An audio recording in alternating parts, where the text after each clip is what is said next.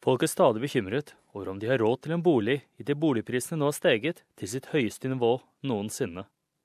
Men kan det føderale budsjettet hjelpe de med lav inntekt, flyktninger og andre nyankomne som er på venteliste for offentlig bolig? Undersøkelse til undersøkelse viser at boligkostnadene er en av de mest presserende utfordringer i Australia for øyeblikket.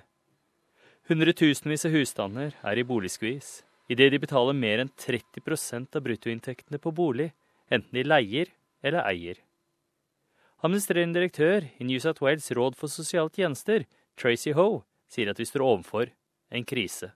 From those people who really are vulnerable, disadvantaged, on the margins, living, uh, you know, with disability and mental health, all of that, right through to your low and middle income earners. This housing pressure is impacting such a huge proportion of our community at this point.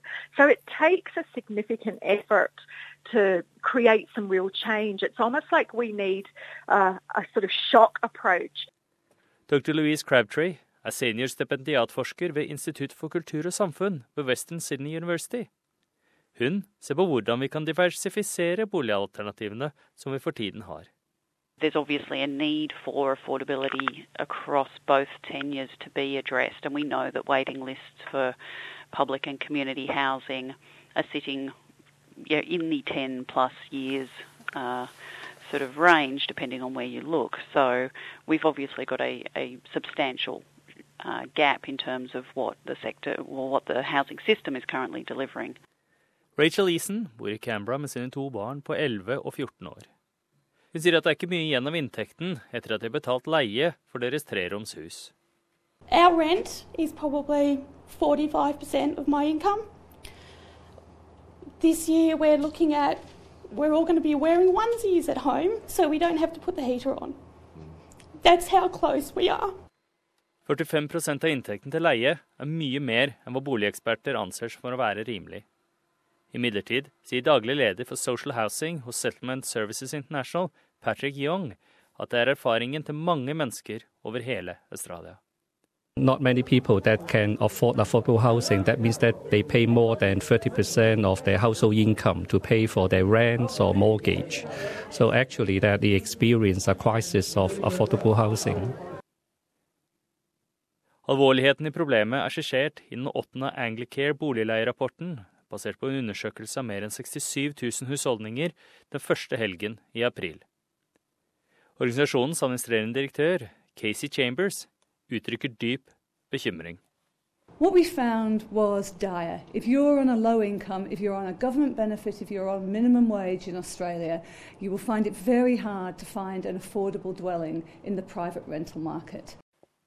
Statlige og føderale regjeringer lover tiltak for å gjøre boliger rimeligere men kasserer Scott Morrison advarer om at det ikke finnes noen silver bullet for å forbedre kostnadene på kort sikt. I budsjettet erkjenner han at en nøkkelfaktor i å lette boligprisene på, nå og i fremtiden, er å bygge flere boliger. Morrison annonserte at regjeringen vil øke tilbudet av boliger ved å jobbe med statlige og territoriale myndigheter for å fastsette boligbyggingsmål og legge til rette for planlegging og resoning. Dette vil bli oppnådd ved en ny National Housing and Homelessness Agreement med finansiering for å hjelpe personer som er hjemløse, og de som har behov for kriseinnkvartering. For Tracy Hove, leder for New South Wales råd for sosiale tjenester, er dette gode nyheter i det lange løp, men hun sier at det ikke gir noen umiddelbar lettelse for folk i utkanten av samfunnet. Sort of.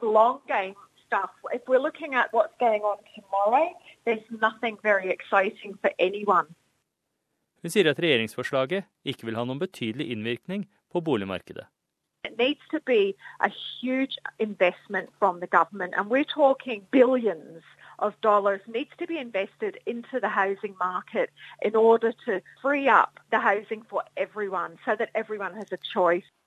I mellomtiden planlegger regjeringen å etablere et National Housing Infrastructure Facility på 1 milliard dollar for å utvikle nye boliger og leiligheter på utvalgte steder. Ned Kutcher, som jobber for Leieforbundet, sier at det er bra for utviklere og utleiere, men ikke for de som trenger et rimelig sted å bo nå. landlords in the budget, particularly for social housing landlords, and that's going to have a bit of a flow-on effect for tenants But overall, a budget that's pretty uh, unhelpful for, for most of uh, Australia's renting population. Og et annet tiltak vil ledig samveldeland bli gjort tilgjengelig for boligbygging, sammen med muligheter for Australias små boligkooperativer å få tilgang til finansiering til lavere priser. Dr. Louise Crabtree fra Western Sydney University sier at det er på tide at regjeringen anerkjenner det bidraget sektoren kan bidra med for å løse Australias boligkrise. What the sector delivers is affordable rental housing uh, for very low, low and moderate income households. And what that sector is now also starting to realise is that they need to be providing affordable ownership options as well. Til tross for at Dr. Crabtree forsiktig roste noen av tiltakene i budsjettet om å øke tilbudet av boliger, sier hun at noen av de store forvrengningene i boligmarkedet var uberørt. The elephant in the room is the fact that nothing was said about negative gearing and nothing was said about capital gains tax exemptions, and those are the key drivers of a lot of the problems that we're seeing. So, you know, understandably, there's a lot of commentary saying that this is window dressing, this is you know, sort of band-aid solutions. Samtidig sier regjeringen at den tar opp bekymringene knyttet til skattefordeler for eiendomsinvestorer. Og fra 1.7.2017 vil fradrag for reiseutgifter knyttet til å eie en investeringseiendom bli ugyldig. Dette, sier regjeringen, er et integritetstiltak for å takle bekymringer om at slike fradrag blir misbrukt, og vil bidra til å bremse den tilsynelatende ustoppelige boligprisstigningen. Wolfgang Miller laget denne saken for SBS Radio. Jeg er Frank Mathisen, og du hører på SBS norsk.